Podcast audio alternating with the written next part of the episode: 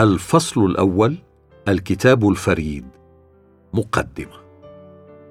كثيرا ما أسمع كلمات تتكرر كالأسطوانة المشروخة تقول غير معقول أنك تقرأ الكتاب المقدس.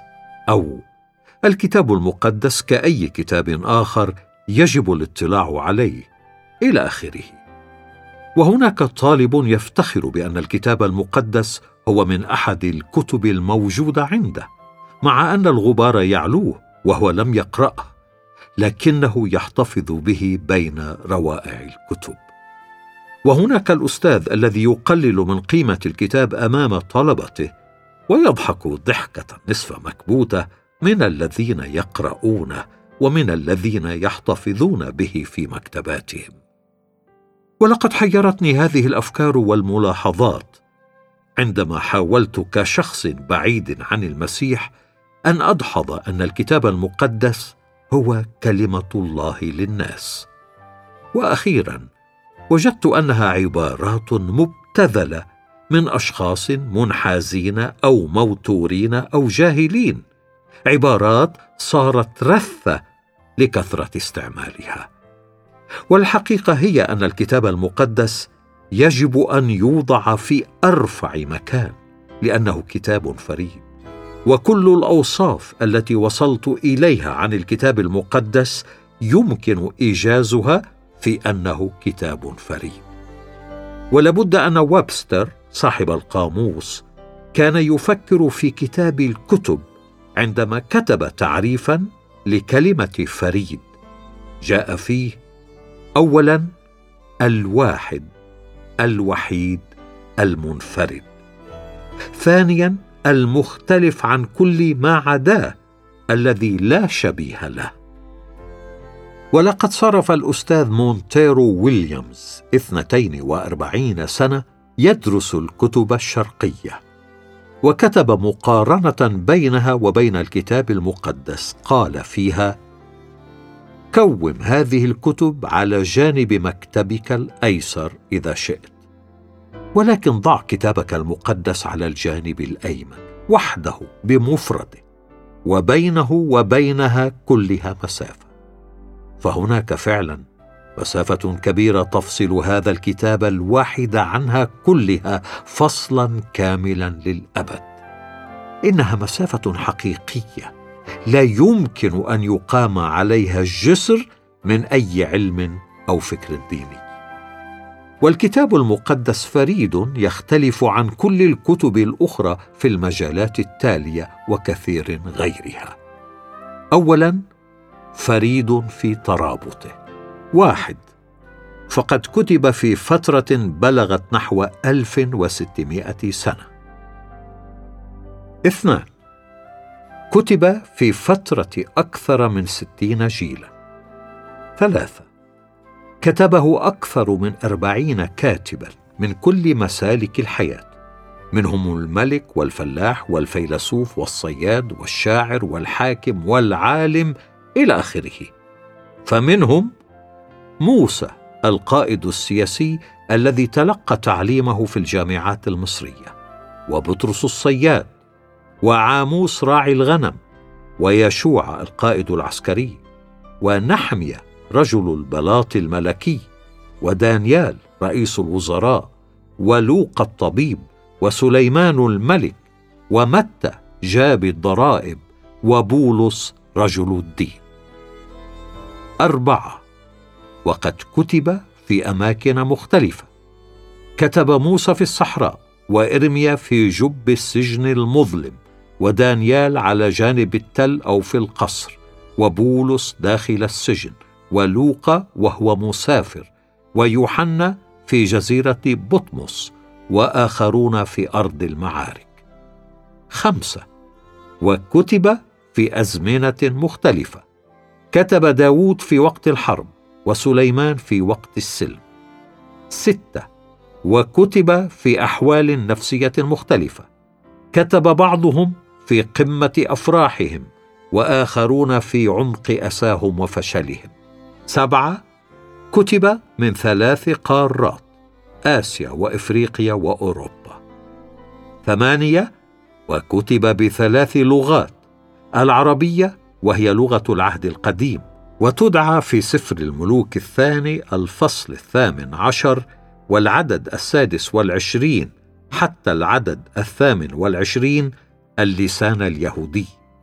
وتدعى في إشعيا الفصل التاسع عشر العدد الثامن عشر لغة كنعان.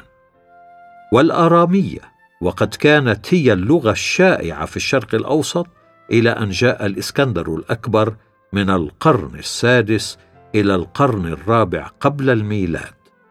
أما اليونانية لغة العهد الجديد فكانت اللغة الدولية في زمن المسيح. تسعة أما موضوعاته فقد حوت مئات المسائل الجدلية التي تثير الخلافات الفكرية وتستحق المناقشة. غير أن كل كتاب الكتاب المقدس تحدثوا عن كل هذه المسائل باتفاق كامل وبترابط شديد من التكوين للرؤية إذ شرحوا فداء الله للإنسان. وقد قال أحد المؤلفين الفردوس المفقود في التكوين يصبح الفردوس المردود في سفر الرؤيا ويغلق باب طريق شجرة الحياة في التكوين ولكن يفتح للأبد في الرؤيا ويقول كتاب آخر أي جزء من الجسم الإنساني لا يمكن فهمه إلا في نور ارتباطه بالأجزاء الأخرى. وهكذا لا يمكن فهم جزء من الكتاب المقدس إلا في نور ارتباطه ببقية الأجزاء. ثم يمضي الكاتب نفسه ليقول يبدو الكتاب المقدس للوهلة الأولى أنه مجموعة كتابات أدبية يهودية. ولكن لو فكرنا في الظروف التي كتبت فيها تلك الكتابات لوجدنا أنها كتبت على مدى 1400 سنة أو نحوها من بلاد مختلفة امتدت رقعتها من إيطاليا في الغرب إلى العراق وربما إيران في الشرق. وكان الكتاب من جنسيات مختلفة تفصلهم عن بعضهم مئات الأميال ومئات السنوات، كما كانوا من مختلف مسالك الحياة.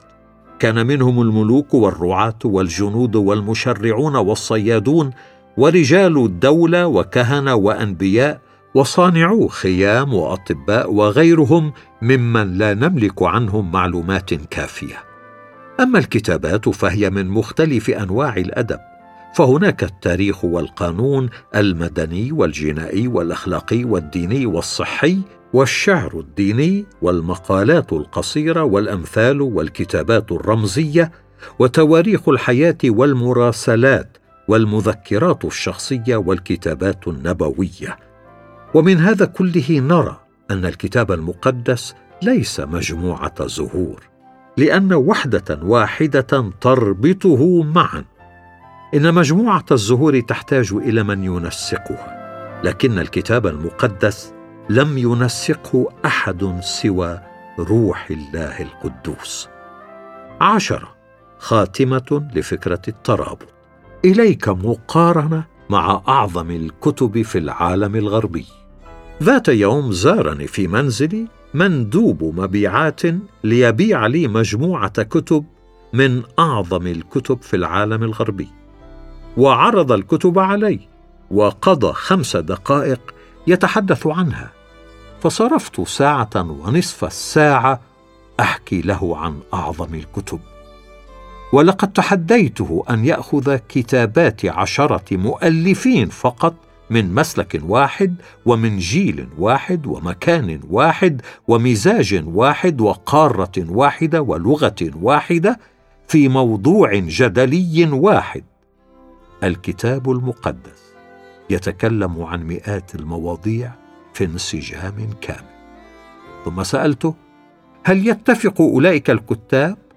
فأجاب بالنفي. وسالته ماذا ستجد؟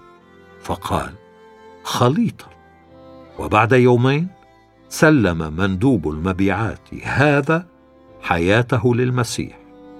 موضوع الكتاب المقدس. فلماذا كل هذا؟ الإجابة بسيطة. أي شخص يفتش بإخلاص عن الحق سيعتبر الكتاب المقدس كتابا فريدا. ثانيا فريد في توزيعه.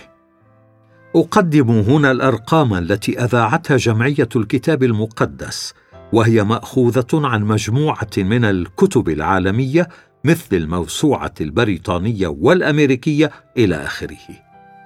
لقد قرئ الكتاب المقدس وتمت ترجمته إلى لغات أكثر من أي كتاب آخر. كما أن النسخ التي أنتجت منه أو من أجزاء منه فاقت إنتاج أي كتاب آخر في التاريخ. قد يجادل بعضهم بأن كتابا ما وزع منه في شهر ما أكثر من الكتاب المقدس في ذلك الشهر ولكن الكتاب المقدس مستمر في التوزيع. ولقد كان أول كتاب كبير يطبع هو الكتاب المقدس في ترجمة الفولجاتا اللاتينية. وطبع في مطبعة غوتنبرغ. قال أحدهم إن جمعية الكتاب المقدس منذ ثلاثين عاما اضطرت أن تطبع منه نسخة كل ثلاث ثوان ليلا ونهارا وألفا وثلاثمائة وتسعا وستين نسخة كل ساعة ليلا ونهارا واثنين وثلاثين ألفا وثمانمائة وستا وسبعين نسخة كل يوم في السنة. ومن الممتع أن نلاحظ أن هذه الكتب إن وضعت في أربعة آلاف وخمسمائة وثلاثة وثمانين صندوقا تزن أربعمائة وتسعين طن. ولم يحدث لكتاب في التاريخ أن وزع بهذه الكمية باستمرار. وقد يقول معارض هذا لا يبرهن أن الكتاب المقدس هو كلمة الله ولكن هذا يبرهن أن الكتاب المقدس كتاب فريد. ثالثا فريد في ترجمته هو أول كتاب ترجم فقد ترجمت النسخة السبعينية من العبرية لليونانية عام 250 قبل الميلاد. واستمرت ترجمات الكتاب المقدس منذ ذلك التاريخ.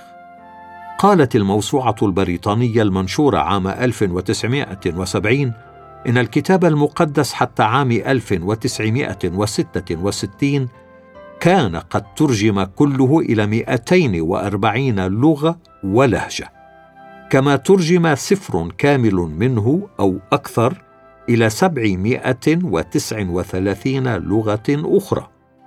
ونقلت أجزاء منه إلى 1280 لغة ولهجة كما قالت الموسوعة إن ثلاثة آلاف مترجم كانوا يعملون في ترجمة الكتاب المقدس بين عامي 1950 و 1960 أما في سنة 1984 فكان الكتاب المقدس قد وصل إلى 1808 لغة ولهجة ولم يفقد الكتاب المقدس شيئا في ترجمته فمعجزته معجزة معنى ومحتوى ورسالة إنه إعلان محبة الله للبشر.